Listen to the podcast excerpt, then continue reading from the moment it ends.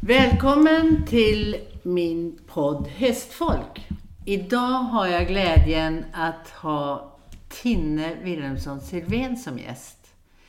Hon som har gjort inte mindre än sju olympiska spel, sex VM, tio EM, åtta världscupfinaler. Men framför allt hon som är så känd för sin fantastiska ridning och för sin passion för hästar.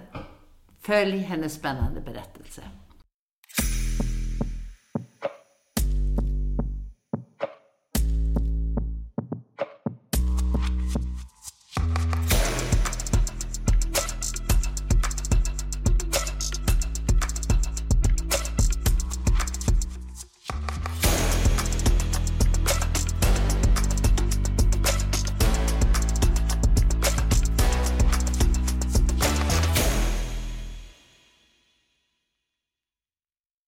Hej Tinne, välkommen. Tack så mycket. Hur kom du in på den här banan? Jag hade väl kanske turen att min mamma var väldigt engagerad i ridsporten. Och hon hjälpte mig nu att göra många kloka val i början. Så att jag eh, kom in så att säga i rätt spår och, och gjorde bra saker när man var liten. Vilket jag är enormt tacksam för idag. Hur gammal var du när du verkligen bestämde dig för att det var hästar och ridning som var... Ja, jag började rida på Djurgårdens ridskola, där också mamma var en hel del. Och jag fick dela en ponny och sen hade jag en C-ponny. Ehm, sen så gick jag ju klart skolan och efter nian så tog jag ett sabbatsår och åkte till Tyskland första gången, till Walter Christensen. Och där någonstans tog väl kanske den här mera yrkesdrömmen ehm, fart, att jag ville jobba och leva och vara häst egentligen bara. Innan dess så red jag nog bara som alla andra kanske. Men, men eh, från den tiden där, så sen dess har jag nog aldrig funderat över att göra någonting annat. Men när kom du tillbaka till honom igen? Du sa att du var där på ett lov. Jag var där eh, ett år var jag. jag tog ett sabbatsår innan jag skulle gå gymnasiet. Mm. Och hade lovat min pappa att jag skulle göra klart skolan. Så att jag åkte hem efter ett år och läste på VUX som man kunde göra på den tiden. Mm. Samtidigt som jag red och gjorde mycket annat med hästar parallellt. Mm. Ehm, sen fick jag erbjudandet att åka tillbaka eh, ett par år senare. Och då blev jag där i fyra år till eh, hos Walter Kristensen. Mm. Och eh, vad jag förstår, vad var det som gjorde sen att du tyckte att du fick ut så mycket av det? Vad lärde du dig? Vad, jag förstår att du lärde dig massor, men berätta lite om tiden hos honom. Jag tror den tiden var avgörande att man lär sig leva häst, om jag säger så. Man lär sig allt om hästarna, inte bara att rida, träna, tävla, utan hur man sköter en stor anläggning och hur hästar, hur man tänker från ung häst upp till vuxen. Kanske också ibland hur man inte tänker, det är också insikter mm. man får när man är borta. Allt som man ser är ju inte guld, utan det finns också sidor som man säger att så där vill inte jag göra, jag kanske vill göra så här istället. Men mm. man lär sig eh, tänket att leva häst. Hans respekt för hästen var absolut fenomenalt. Eh, och det sitter ju kvar i både mig och Lussan och många andra som har varit där. Fanns det någon sån här särskild händelse som gjorde som du bär med dig som du tänker att eh, det där var någonting som jag verkligen bär med mig och kommer ihåg extra mycket? Jag tror nog mer hans inställning till att, eh, hur man respekterar hästen och hur man Ehm, Ehm, får hästar att vilja göra samma sak som man själv. Att det är hela hans idé går ut på att man liksom hittar lösning, nya lösningar, nya vägar, har en stor verktygslåda så att man alltid har en, en ny liten vink att gå utan att tappa sin röda tråd men ändå alltid hittar en ingång så att i princip hästen själv väljer att göra rätt hela tiden. Det tror jag var hans, hans signum. Spännande. Och jag tänker också på att när du sen fortsatte, han följde med dig i livet ganska länge? tyvärr så gjorde han inte det. Han gick ju bort i, i, innan jag åkte därifrån, innan jag åkte hem. Han blev sjuk i cancer okay. och dog efter VM 90 precis. precis. Eh, och jag kom hem sen i oktober 1990 efter det. Så att, det gjorde han tyvärr inte, men han lever ju kvar i mångt och mm. mycket mm. i allt det vi gör mm. idag ändå. Hur gammal var du när du kom hem? 24, 23 kanske då först. Mm. Och fortsatte du med? Vad, vad, hur ville du fortsätta då det här, allt det du bara med dig? Jag fick ju förmånen att få Caprice med mig hem, som ju var hans häst. Eh, som jag tillsammans med andra ägare lyckades få köpa loss och få med mig hem.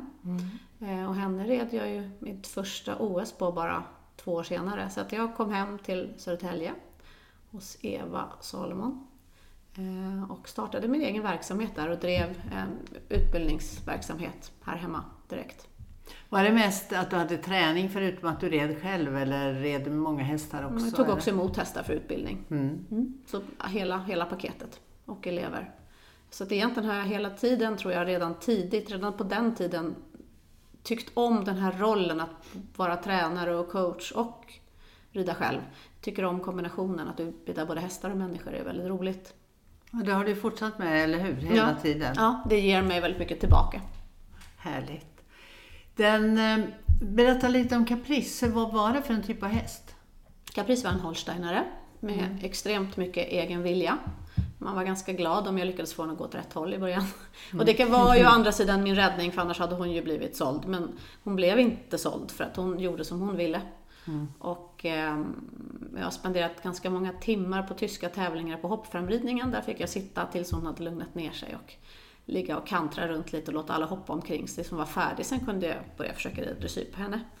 Men hon var en fantastisk lärohäst naturligtvis. Men jag har också många gånger tänkt att en sån häst, undrar hur det hade blivit lite senare i mitt ryttarliv att få en sån fantastiskt fin häst. Och hur hade det blivit då? När jag hade lärt mig mera naturligtvis. Men eh, en otroligt bra erfarenhet och en personlighet som ju är långt utöver det vanliga. Hon är naturligtvis viktig i, mina, i min minnesbank. Hon var väldigt, väldigt atletisk. Eh, Så håller du med om det, eller? Ja, ja, absolut. Det var det man tänkte när man såg henne. Mm. En riktig gummiboll. Och sen då? Vad fortsatte din, dina hästar? Kom, vem kom sen? Ja, Caprice var ju dominerande ganska många år. Sen kom Caesar in i bilden. Eh, en cortègevallack som jag köpte själv. Min första egna Grand Prix-häst någonsin. Och enda egna Grand Prix-häst genom livet. Eh, han eh, hittade jag som sexåring. Och red. Vad hittade du honom? I Sverige? Eller? Ja, i Sverige. Mm, absolut. Vad, vad var hans egenskaper? Vad, vad var som du tyckte om hos honom? Han var väldigt, så som alla kortegehästar är, het, ganska stark. Men framför allt väldigt het, väldigt het, väldigt på. Men eh, också min, på något sätt min typ av häst, rolig, roligt knep och knåp och försöka lösa hur man ska få honom att eh, tycka att det här är roligt och okej och inte försvinna iväg på egna små äventyr utan att stanna, stanna hos mig. Du har ju haft många hästar i ditt liv naturligtvis. Och därför är det spännande att höra vad de olika, vad är det som de har gett dig för erfarenheter med dig på vägen. Så att du har hamnat där du är just nu. Ja. Men jag tror verkligen att varje häst, oavsett om det blir en internationell Grand Prix-häst, eller varje häst man har, är en helt ny resa, ett helt nytt äventyr. Och en helt ny ödmjuk inställning till hur man ska skapa och lära sig förstå och skapa eh, ett band med, med varje individ. Och den resan är ju helt individuell, den ser ju inte likadan ut med någon häst. Nej. Eh, Och det är väl kanske det som också är min drivkraft, att varje ny sån här resa med en ny häst, då börjar ju allting om, tycker jag. Och så fort det kanske inte längre utvecklas, då avtar intresset lite. Men så länge det finns utveckling så tycker jag att det är fantastiskt spännande att se vart den här varje resa tänker ta vägen. Det är ju lite som en eh, upplevelse. Det är som en, som en skulptur nästan. Ja, faktiskt. Mm. Men eh, täv, dina tävlingar då, om jag tänker på de här hästarna du har berättat om hittills. Ja. Är det något ögonblick som du kommer ihåg allra mest? Eh, Naturligtvis att åka på sitt första olympiad. Vi var i Barcelona. Det är naturligtvis, det går ju obeskrivligt att, att vara med om. Ehm, Det, det går ju nästan inte att... Samtidigt så var jag 24 år och lite respektlös. Jag tyckte väl det var väl sådär, kan väl göra bättre. Men kanske jag inte kunde. hade jag inte förstått då. Men eh, det var ju... Det, det minnet sitter ju jättedjupt. Jag kommer ihåg så många olika saker därifrån. Och också icke, icke ryttarupplevda saker. Som det här att vi gick i matserveringen för första gången på ett olympiskt spel och så se gymnasten och basketspelaren i samma matkö. Som det går in tre gymnaster på en basketspelare. Och kanske alla också, alla nationaliteter och alla mat. Alltså det är ju det är så mycket Intryck, va? speciella intryck som fastnar. Och första gången är naturligtvis de största intrycken. Men annars rent ridmässigt så tror jag egentligen det är vardagen som är min, faktiskt min drivkraft. Tävla är fantastiskt kul och det är jätteviktigt för det är en tävlingsjävel i mig förstås. Annars hade jag inte hållit på. Men drivkraften är nog att jag tycker att varje dag med hästarna är fantastiska.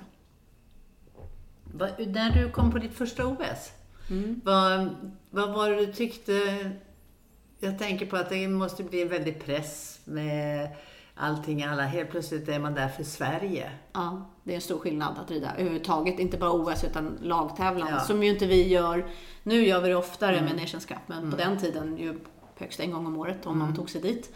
Ehm, så det är ju något nytt. Men jag, det, man ska också komma ihåg att ehm, lite ung och lite utan rädsla för att misslyckas, den hade ju inte upp, jag hade inte upplevt att det inte skulle gå ännu. Jag tror att den, den pressen känner man nog för varje gång nästan mer, för att man vill så gärna göra bra igen och man har också insett hur många saker som kan bli svåra.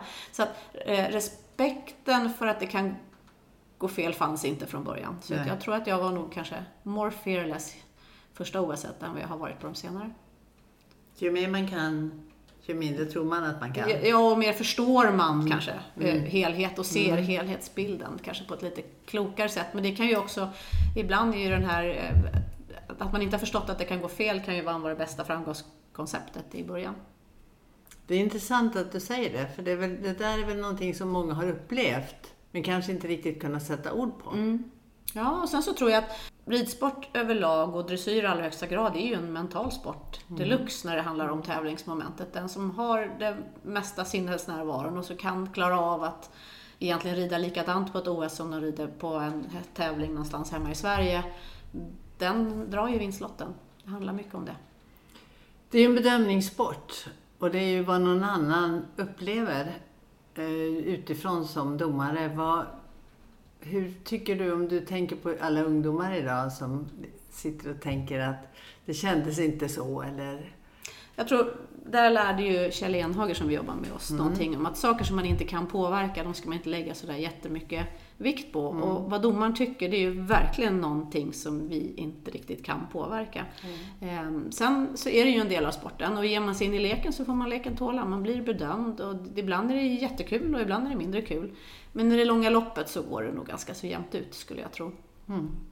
Eh, Men jag tror också att man får inte fokusera, jag väljer, jag försöker framförallt att fokusera mer på prestationen än på hur en domare kanske tänker si eller så. Och som sagt, i det långa loppet, ibland får man kanske lite positiva poäng och ibland kanske man får lite negativa poäng. Men Det jämnar ut i jämna loppet så går det ut, jämnt ut. Ja, Ja, man har ju valt sin sport som du säger. ja lite Så är grann. det ju. Men det är klart att är man som ung, jag tycker det var int- intressant som du sa, att det här med att man kommer och så har man, tänker man, alltså man har inte rädsla. Nej. Nej, jag tror att det, det är någonting, det är väl den enda, alltså annars är ju erfarenhet extremt värdefullt i våran sport, i, i ridsport överhuvudtaget, så är ju erfarenheten är ju extremt värdefull. Men det är också insikten av att det kan gå fel kan ju vara någonting som kan fälla en, det tror jag. Eh, när Eller som man i alla fall ska ha tänkt igenom och sagt att det ska inte få komma i vägen för mig. Man måste kanske kunna hantera den, eh, den reaktionen ska man vara medveten om. Och har man lagt den på bordet och liksom mött det, att det kan vara så, då är det ju också lättare att hantera. Ja, att det finns en förberedelse Mm. för det. Mm. Det tror jag är väldigt viktigt budskap till de som kanske precis börjar och ser att alla har gått igenom det. Ridsport är väl också, man, vi, vi håller ju på så länge och det är ju lite grann upp som en sol och ner som en pannkaka ganska många gånger. Och är man inte beredd att åka med på den här berg och dalbanan, upp på topparna och ner i dalarna, då kanske man inte blir den här långvariga. Utan jag tror att det ingår liksom att man är där nere och vänder med jämna mellanrum och med varje häst. Och det kanske måste vara sporren till att man ska bli ännu bättre. Eh, Man får bejaka att det händer, men man ska ju banne med resa sig upp och göra det ännu bättre nästa gång. Det tror jag är viktigt. Klokt. Det, det är också viktigt att, att höra det, att tänka Ja. på det. Det är lätt att man går och gräver ner sig lite ja, grann. och det händer ju bara en själv tror man när det går dåligt. Men det händer ju alla. Och vi, nu, nu var vi där du hade din egen rörelse hos Eva och sen gick du vidare därifrån. Och då flyttade jag till Fågelbro på Värmdö. Mm. Eh, I princip samma anda fast i en större version. Eh, egen verksamhet och utbildning och tävling av andras hästar och utbildning av elever. Till jag träffade Antonia Mm. på en läktare Mm. och det var 1999. Och det är länge sedan nu. möttes vi och eh, frågan var egentligen om jag kunde ta emot Vältman som då var fyra år och nygodkänd hingsten Vältman. Eh, vi började prata och vi pratade och pratade och pratade, pratade och när jag gick därifrån så hade vi pratat om att jag kanske skulle flytta dit. Ja. så det gick väldigt fort. Det har jag ju naturligtvis aldrig ångrat för det har ju ändrat min satsning och eh, mitt liv eh, totalt. Men jag tror att det är oerhört viktigt att ha haft. Jag har i alla fall från början börjat precis som alla andra och eh, ha den erfarenheten av att ha drivit egen verksamhet och tragglat sig fram och kanske inte riktigt haft så lätt att klara det rent ekonomiskt och satsningsmässigt och man får välja vad man gör. Att man har det i ryggen innan man kommer till sånt fantastisk plats som Lövsta stuteri, det tror jag är jätteviktigt för att försöka göra någonting bra utav möjligheterna. Men då kanske det kommer tillbaka. Är det så att det kommer tillbaka tycker du, det här med att erfarenhet är så viktigt Ja, det är det ju absolut. i, i vår bransch eller vad man ska Ja, säga? ja. Du kan göra många beslut som är baserade på det du har redan har upplevt. Mm. Mm. Absolut. Och, och så den här, jag landar ju också hela tiden tillbaka att man måste vilja leva häst. Det är inte ett jobb eller en, en sysselsättning utan det är ju, man måste vilja göra allt med hästar, tror jag, för att bli riktigt bra. För att förstå sig på allting och för att vara, så att säga, fullkomligt med i det eh, som man håller på med. Mm. Hur ser dina, dina dagar ut nu? Du är ju chef för, ett, eh, för stuteriet och du är också utbildningschef. Det, måste, det låter väldigt omfattande. Ja, fast jag tycker att det är roligt. Om jag bara skulle ha gjort min egen ridsatsning då kanske jag inte hade haft den utmaningen i alla dessa år. Jag tycker att det är otroligt kul att få vara med och bygga upp den här verksamheten, att få vara med och utveckla både hästar, verksamhet, ryttare, vara ledare för ett stort gäng. Det är jätte, jätteroligt och stimulerande tycker jag. Det är viktigt att göra olika. Jag har fått lära mig så otroligt många andra saker än det jag så att säga var bra på från början på Lövsta. Och få gå ut ur min komfortzon och ta tag i saker som jag absolut inte kan någonting om och lära mig mer om. Ehm, Som människa tycker jag att det är fantastiskt. Det är jätte, jätteroligt. Ja, för du har ju många, många uppgifter så att säga. Du är både tränare, coach, du är jag mentor i ditt ledarskap antar jag att du också Ja. är. Om vi tar en del i taget. Om vi börjar med din, din roll som tränare. Jag tycker ju att eh, det är fantastiskt kul att rida genom någon annan. Jag, den här resan och utvecklingen med en häst, ett ekipage, det behöver inte nödvändigtvis vara jag själv. Jag tycker att det är jätte, jättespännande att följa en häst och en ryttare och se den här utvecklingen, förändringen, vara med och skruva och försöka uppleva. Det, den, det är minst lika nervöst, om inte mycket mer nervöst, att vara med när kollegor rider eller elever rider. Oh, det är mycket, mycket, mycket värre än att, att rida själv. Eh, Och vi pratar om nerver. Ja. Inte om något annat. Eh, Men det, det ger mig jättemycket. Jag tycker det är oerhört kul. Jag kan glädjas så mycket med när det går bra för de som man hjälper. Jag tycker det är jätteroligt. Men också att se, inte bara det, utan kanske också hemma vid. Alltså den här resan med utvecklingen, utbildningen, de här unga hästarna som växer upp och förändras ihop med att kanske en yngre ryttare växer upp och förändras och får ny syn och får en annan helhetsbild av vad vi faktiskt håller på med. När det bara liksom kommer såna här små Liljeholmens, när saker faller på plats. Det är jätteroligt. Men det är säkert också mycket tvivel ibland. Absolut. Ja, absolut. Det är väl en del utav, annars skulle inte tillfredsställelsen Nej. varit så stor om det vore så enkelt. Det är inget enkelt, det är jättesvårt. Och jag tror också, varje ryttare, den största fienden är oftast en själv, brukar vi säga. När man inte kommer vidare, då är det ju man själv som har stoppat käppar i hjulet för att man tycker att det är svårt, eller inte ser hur man ska gå vidare, eller inte ser, kan inte lyfta blicken och se att på andra sidan staketet där borta kommer det bli bättre, utan man blir så fast i sina problem. Eh, Och man är så, ah, så hård mot sig själv över att man inte kan någonting. Man, jag ska inte säga man, jag kan gå till mig själv. Man, Det är alltid så att man det är svårt att eh, Se det långsiktiga menar du? ja, se, se att det finns en lösning lite längre fram, helt enkelt. Så ska jag säga. Ja, för det är ju det med hästar. Och, och jag förstår också att, du tänk, att när du tänker på de här alla olika hästarna som du har framför dig på dagarna. Mm. Jag antar att eh, du får ju anpassa din träning. Det, är det viktigt med ett system eller är det viktigt med en kombination av system och individ? Jag tror att det, det bygger på ett system. Man måste ha sin röda tråd i hur man tänker när man utbildar. Och hur vi tänker på Lövsta när vi utbildar, det är vi alla väldigt överens om. Först, alltså i botten ligger ju en, en enad tanke och en enad tro på hur vi vill utbilda våra hästar. Men sen så måste nyfikenheten finnas där, att ta in input, att ta hjälp, att eh, försöka lära sig nya saker, att hela tiden vara öppen utan att tappa sin röda tråd, men vara öppen för kanske vad andra gör, hur man kan tänka, hur man kan ha ännu ett nytt sätt att lösa ett problem så att den här verktygslådan blir så stor som möjligt. Det, det måste finnas en nyfikenhet, annars så sätter man sig ner på, på rumpan och säger att jag kan det här, jag vet hur jag gör. Det, tror jag man, det kan man aldrig göra. Det, nästan det roligaste som Lussan och jag vet är att sätta oss och titta på andra ryttare när de tränar och rider fram, fundera på hur de löser problemet, om de har en ny vinkling. Men man kan också se kanske ibland att så där vill jag inte göra. Eller så där skulle jag vilja prova. Kan vi ta med det här i våran, i våran verktygslåda? Men, men hemma, just hemma då till vardags, så att eh, tanken och ideologin hur vi utbildar, den, den ligger ju naturligtvis i botten. Och sen så gäller det att alltid ha eh, nya vägar. Jag får också mycket jä- jättebra hjälp av, av Lussan kommer hem till oss och hjälper oss alla. Och det är också jättekul att sitta och titta då när de andra rider och lyssna på hur hon löser samma problem som kanske jag tidigare har haft en vinkel på. Hon kanske går in från ett helt annat håll och ser det med helt andra ögon. Och man hinner tänka, det där kommer inte gå, så går det jättebra. Mm.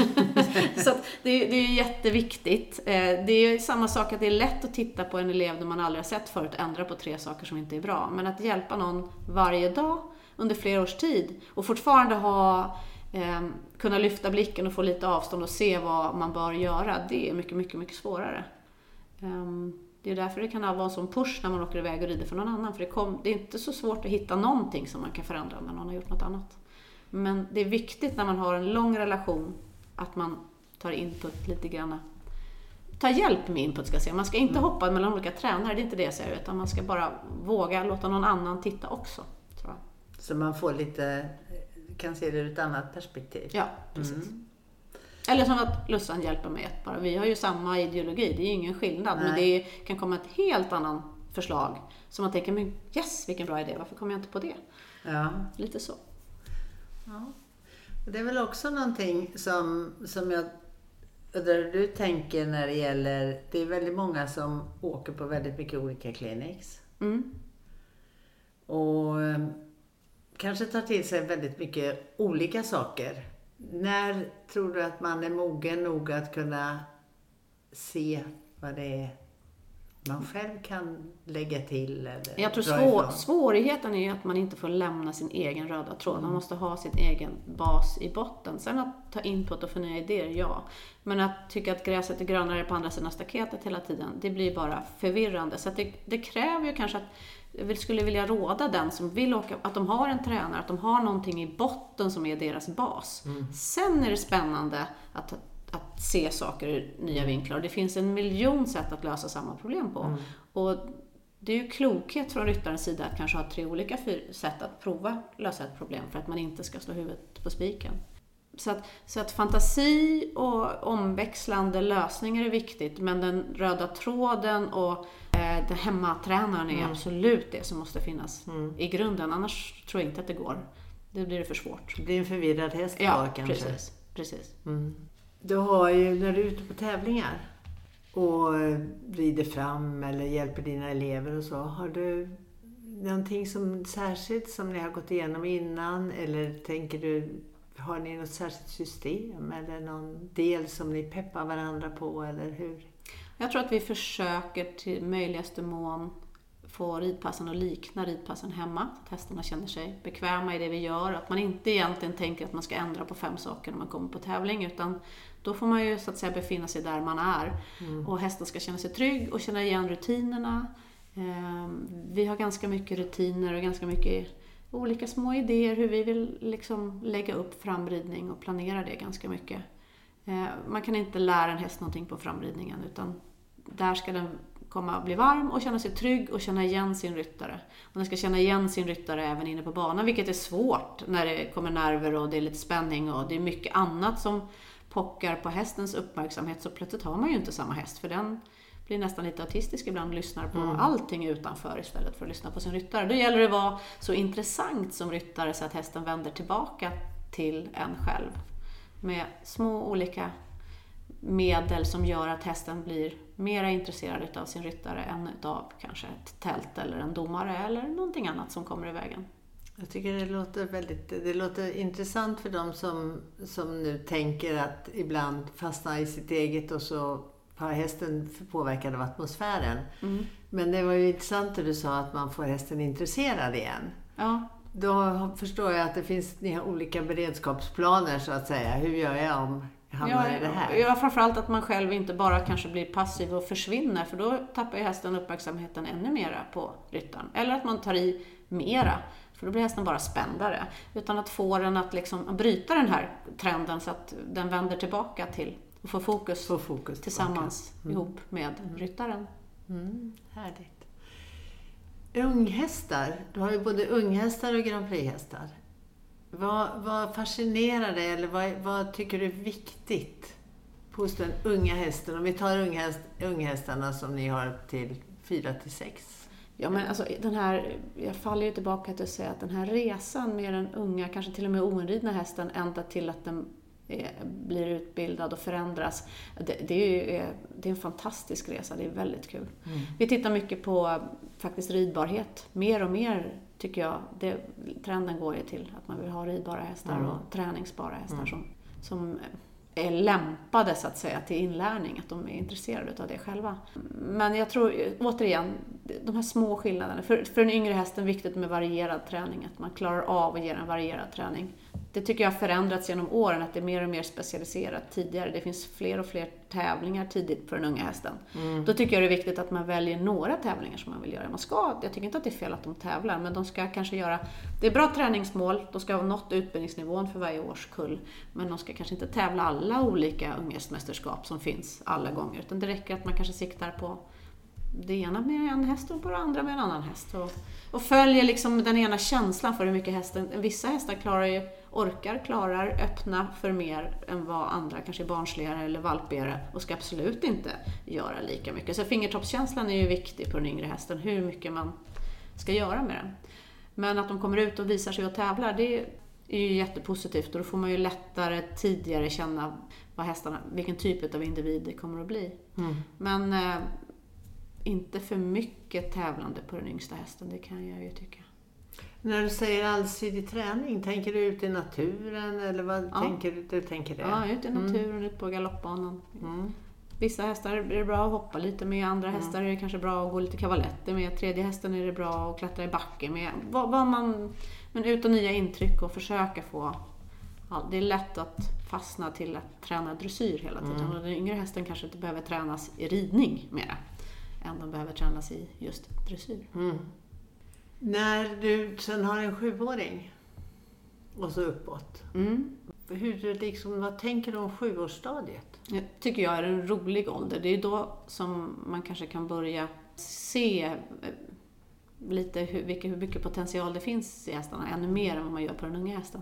Det kan man ibland på den unga tidigt också, men det blir ju tydligare och tydligare och lättare och lättare. Och där börjar de ju, när de börjar jobba lite mer med samling och kan arbeta lite mer, i en väldigt, väldigt rolig ålder tycker jag.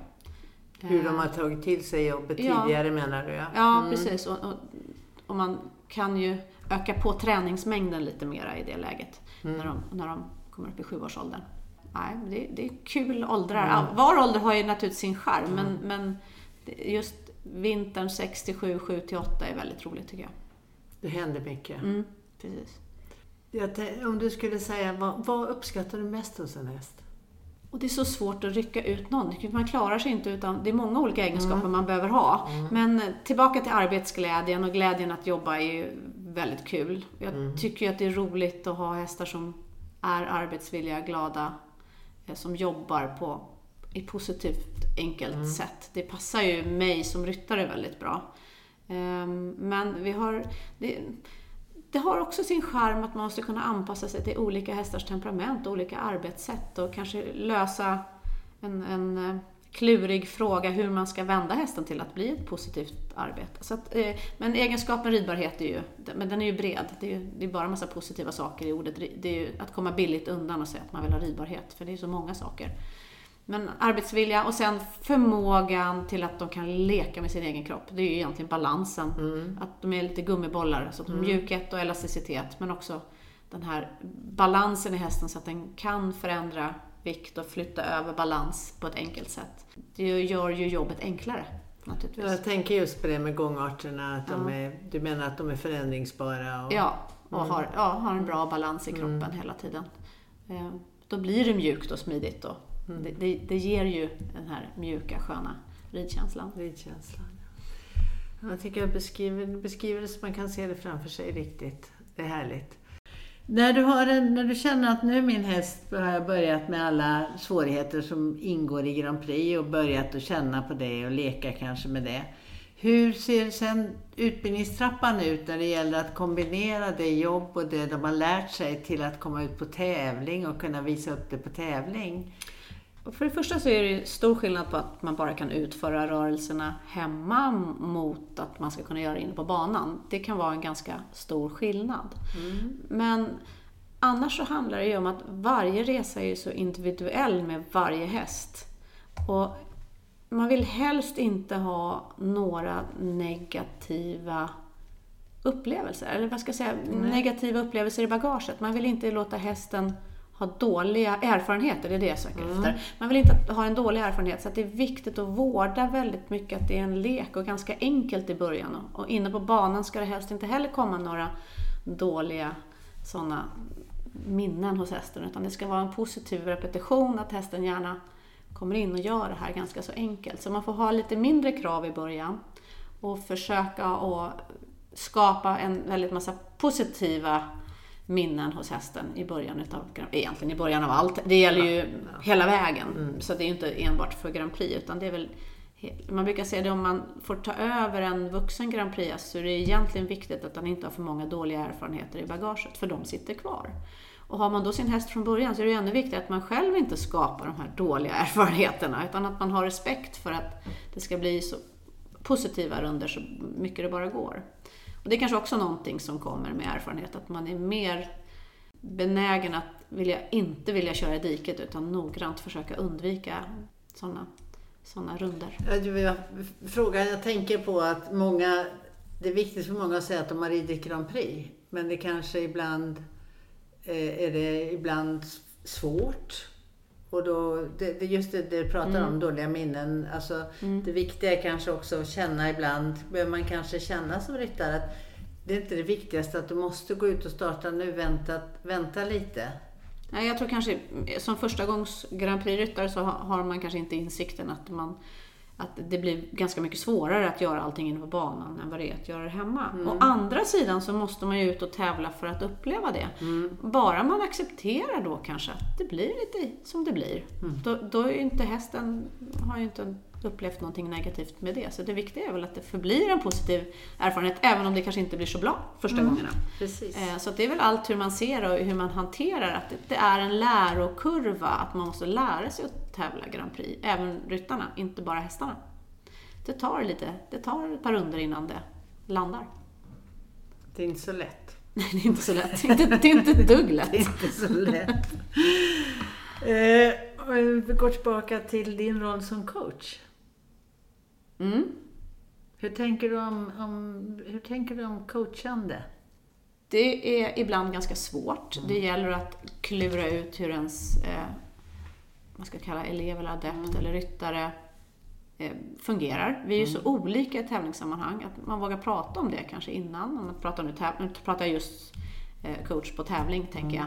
Eh, hur just den personen behöver förbereda sig, hur den, vilken sinnesstämning den behöver vara. Om man behöver tagga på eller om man behöver vara lite lugn och mm. balanserad. Mm. Eller var, var fungerar den här personen bäst? Och hur, i rollen som coach, hur man ska vara på en framridning beroende på den personen. Det kan ju mm. vara en vill att man ska prata väldigt mycket och styra allting och nästa vill att man ska backa av och bara vara en spegel och finnas där om det skulle vara något, bara som en trygghet. Och, och det, det, är ju så extremt olika. Och det är också olika på hästarna. Mm. Eh, om man rider flera gånger, om man tar ut dem på morgonen eller inte, om man rider fram, hur länge man rider fram. Jag har en sån här idé att jag alltid själv Eh, räknar antalet ryttare jag rider fram istället för att titta på klockan.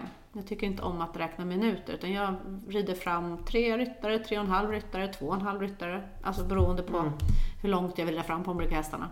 Och skittar fram en eller två ryttare. Jag, jag pratar i antal eh, eh, ryttare innan till exempel. Mm. Jag blir jättestörd. Nu är det tio minuter kvar.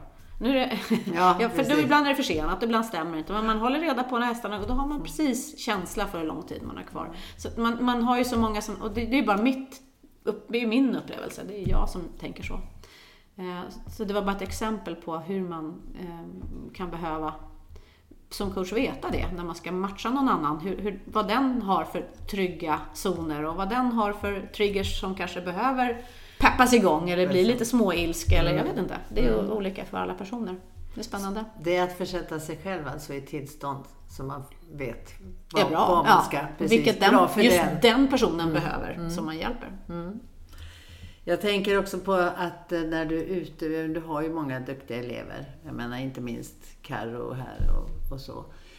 När, har det förändrat sig tycker du? Alltså så att du, ni byter, ja men nu, det här, nu får vi ändra lite grann på den här framridningen eller nu får vi byta tankesätt för att få det och det har hänt och så. Känner du att ni får diskutera det mycket? Det, det är en ständigt pågående mm. process från häst till häst och från mm. situation till situation, mm. från väder, vind, vilken tävlingsplats man är. Jag tror att det pågår egentligen hela tiden. Men viktigt är också att vi är ofta varandras speglar. Jag tycker jag är lika har jag inte Lussan på marken så kan jag också ha Karo eller Linnea på marken. Mm. Jag behöver någon som tittar. Det, är inte, behöver inte vara, det viktiga är att man har någon att bolla med och någon att liksom, som ser det lite utifrån och, och ser det från marken, hur man ska tänka och, och planera och mm. göra. Mm. Um, det tror jag är viktigt eh, runt omkring. Um, man kan hjälpa varandra väldigt mycket också. Mm.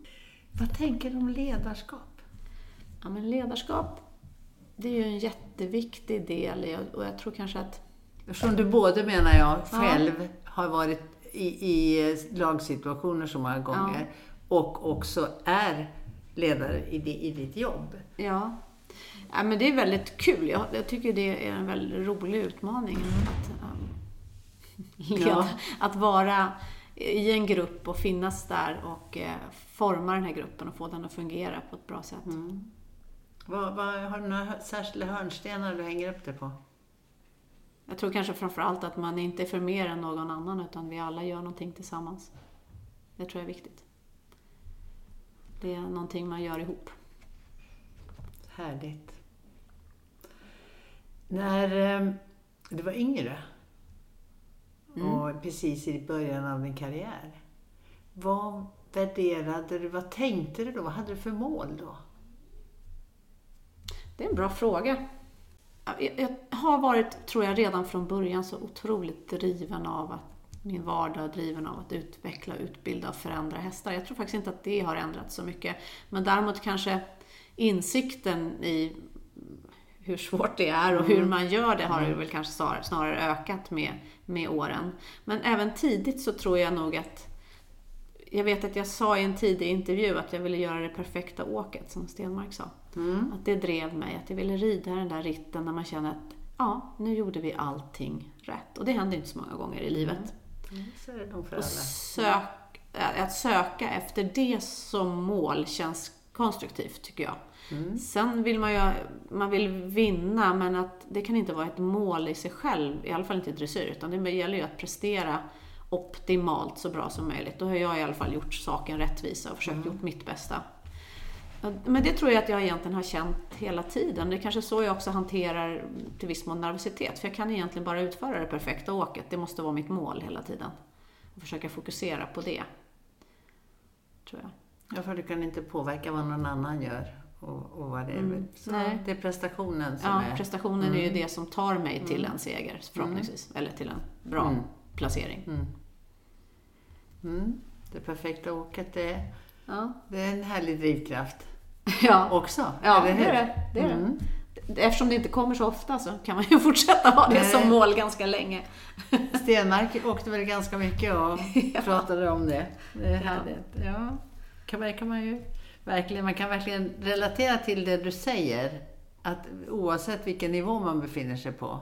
Ja, ja det har ju inte med, Nej, med utan- kunskapsnivån nej. att göra egentligen, utan det, det, det flyttar ju på sig, det perfekta åket. Sen tror jag också en viktig sak är att man måste våga vinna, man måste våga försöka vara bäst. Det har jag kanske försökt att lära mig, men jag tycker fortfarande det kan vara. Alltså att man vågar verkligen go for it. Att liksom man faktiskt kan nå det och mentalt förstå att det kan hända. Jag vet vi var i Rotterdam med Anton, som jag ändå haft de stora framgångarna. Och då så hade jag aldrig vunnit en stor Grand Prix-tävling ännu. Det var precis i början. Ja, det hade jag väl med de andra hästarna, men inte med honom. Inte den riktigt stora, alltså med riktigt stort motstånd. Verkligen. Och vi var i Rotterdam och jag hade ridit Kyren. Jag vet inte vad jag var i Grand Prix, men jag var bra placerad, men inte vunnit. Och jag har ridit Kyren ganska tidigt. Och på alla tävlingar så finns det en sån här stor elektronisk tavla med leaderboard. Och, jag, och då står det ju alltid actual procent, de som rider, och leaders procent, som var samtidigt så långt i ritten. Och leaders procent på den här tavlan var jag, jag ledde just då. Och Anke van Grundsven och Sally Nero rider. Och hon startade väl typ näst sist och jag leder ju fortfarande. Och så tänkte jag, vad synd att ja, det är bara Anke kvar, men en tvåa är ju kul att man kan komma. Så står jag och tittar på den här tavlan och hon rider längre och längre och fortfarande så är leaders procent högre än actual procent. Så jag är fortfarande för. Och det går, i, det går upp för mig när jag står på läktaren och tittar att jag kommer att slå Anke van Grunsvan hemma i Holland. Vilken och jag hade grej. aldrig i hela mitt sinne trott, jag hade inte tänkt att jag skulle göra det. Jag trodde inte att jag kunde göra det. Det hade inte fallit mig in att jag kunde göra det. Men det går liksom upp för mig medan jag står där. Jag kan fortfarande idag komma ihåg den här känslan att nu är hon klar och det står fortfarande att jag har högre procent än henne på hemmaplan. Och det är väl, snacka om att våga vinna, att jag inte ens hade tänkt tanken att jag kunde ha gjort det. Det är ju kanske fel egentligen, men det var ett uppvaknande verkligen. Att man tror att det går, det är väl som att man inte kan hoppa högre än ett visst antal meter, så gör någon det, så gör alla det. Alltså att det går. Att det går. Förstår du liknelsen? Ja, så härlig beskrivning Ehm. tycker jag utav det som är så väsentligt Ja, för en idrottsman ja, överhuvudtaget. ja, det kan vara vilken, precis. Det är precis vilken sport som Det helst. är möjligt. Ja. Eh, och, och det, jag vann den klassen. Och det kommer jag nog komma ihåg alltid. Jag satt också på en presskonferens när ingen frågade mig ett ord, alla pratade bara med Anki, för hon var ju världsstjärna i Holland på den tiden. Alltså världsstjärna Mm. Ja, i Holland. verkligen. Ja, men hon var ju otroligt Och vi fick gå upp på en stor scen i, bakom tävlingarna där hoppningen var med intervjuer och champagne och allt. Och Anki stod bredvid mig och jag vann och de intervjuade oss. Och så klev vi ner och så var det en liten pojke som kom fram och bad Anki hålla i kameran och ta en bild av henne och honom och mig. Så, så Anki, jag, jag kommer aldrig glömma den här kvällen. Den är liksom, det finns, det sitter här inne. Det måste du återkalla ofta. Ja, det var fräckt. Så härligt. Det var en Apropå att våga vinna och Ja, tro att det går. underbar beskrivning och ett underbart minne. Mm. Oj. Hon var ju, hon var ju alltså, så stor Ja, som man kan ja. inte. Ja. Helt otroligt. Alltså härligt. Om du inte hade gjort det här, vad hade du gjort då? Jag har fått frågan många gånger. Och jag har faktiskt inget svar, för det här är mitt liv. Det här är det jag gör. Det är jag, tro- Tänk, jag tror jag. trodde du skulle bli hunddressör. Ja, det har jag väl försökt att säga, men det är ju ungefär samma sak. Det har jag faktiskt. Det är det jag brukar svara när jag måste svara något. Så jag kan gärna hålla på med att träna hundar, men det är ju nästan lite samma sak. Jag byter djur bara. Det skulle jag nog gärna göra i och för sig också, men det kan jag kanske försöka göra samtidigt. Fast mina hundar är ganska olydiga, så jag vet inte om jag kan det. Hur ser du på framtiden? Tänker du något så här närmaste tiden, nu ska jag göra det här? Ja, men just nu är jag precis inne i en process med många fina hästar och den här utmaningen, den här resan vi pratar om, att varje ny häst är en ny resa. Jag är mitt inne i uppstarten på, en, på resor med andra hästar och eh, det finns nog inget annat än det i huvudet just nu. Så jag är verkligen ute efter att fortsätta och hitta fina, rida, utveckla, inte hitta utan utveckla och komma upp med fina Grand Prix-hästar flera gånger. Men också de yngre hästarna och hingstarna och de andra ryttarna. Så jag, jag gör gärna de här resorna på många plan. De pågår hela tiden. Och vi har ju nu precis, Falsterbo har varit, nya tävlingar kommer om en vecka. Det är nya hästar och nya utmaningar hela tiden. Och med de äldre hästarna naturligtvis samma utmaning, men att förädla och förändra och förbättra. Vet du att eh, Tine, det här har varit ett härligt samtal. Jag önskar dig all lycka till. Tack för att jag fick intervjua dig. Tack snälla Elisabeth.